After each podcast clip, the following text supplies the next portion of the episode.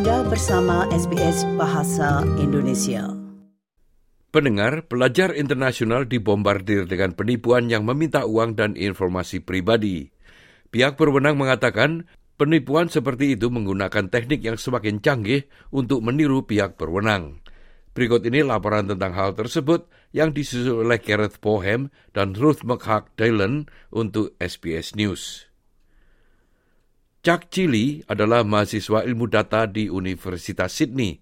Ia mengatakan ia menerima panggilan telepon penipuan setidaknya sekali dalam dua minggu dan pesan teks dari penipu setiap hari. I think they might be uh, want get my money because they want the bank number and uh, uh, my personal details, information, something like that. And the funny thing is they uh, they even provide two uh, language for the next communication, a conversation like they offer English language or Chinese.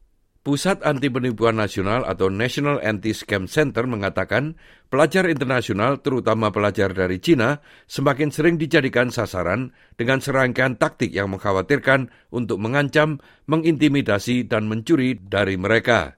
Sejak awal tahun ini, terdapat lebih dari 1.200 laporan penipuan dengan perkiraan kerugian sebesar 8,7 juta dolar di tangan para penipu. Juru bicara pengawas konsumen Australia ACCC mengatakan beberapa pelajar telah membayar jumlah yang sangat besar. We've heard one story of a, a young man who paid over $400,000 uh, to the scammers, and we've seen a significant spike in the last month or so in the losses that people are reporting, and also a spike in the sophistication of the scam. And that's why we're alerting students now to be on the lookout for this behaviour.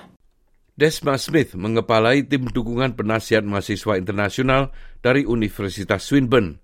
Ia mengatakan berdasarkan pengalamannya sendiri, para penipu memberikan banyak tekanan kepada siswa. In my understanding and my knowledge, they, they are very sophisticated.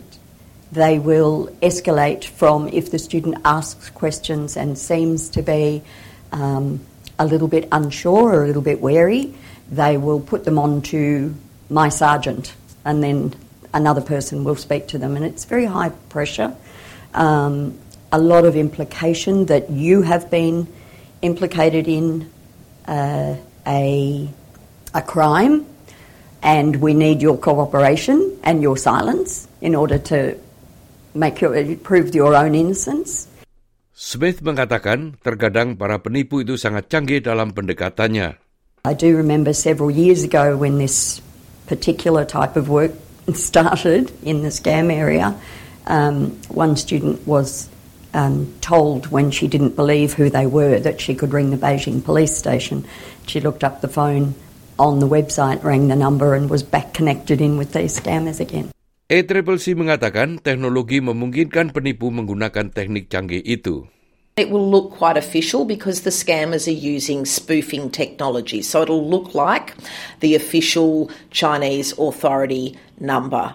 The student will then be threatened with deportation in relation to these spurious uh, charges that they're caught up in, and they will be told that the only way to avoid that is to pay a fine or a bond or similar. Chuck Chili mengatakan beberapa teman sekelasnya telah terjebak dalam penipuan seperti itu. I, had a friends uh, like last month they uh, they take thousands of dollars from her. Desma Smith mengatakan pelajar internasional perlu lebih berhati-hati, namun ada dukungan yang telah tersedia bagi mereka. They're, they're pretty vulnerable. Once they realize any sort of scam, once they realize that they have been taken advantage of, they're really unsure about what to do. It's one of the reasons that, that my team run um, a large international student welcome to try and um, get ourselves and our team in front of them so that they understand if you're not sure, just ask. Demikian tadi sebuah laporan tentang scammer terhadap mahasiswa internasional yang disusun oleh Gareth Bohem dan Ruth McHugh Dillon untuk SBS News dan disampaikan oleh Ricky Kusumo. Anda ingin mendengar cerita-cerita seperti ini? Dengarkan di Apple Podcast, Google Podcast, Spotify, atau di mana pun Anda mendapatkan podcast Anda.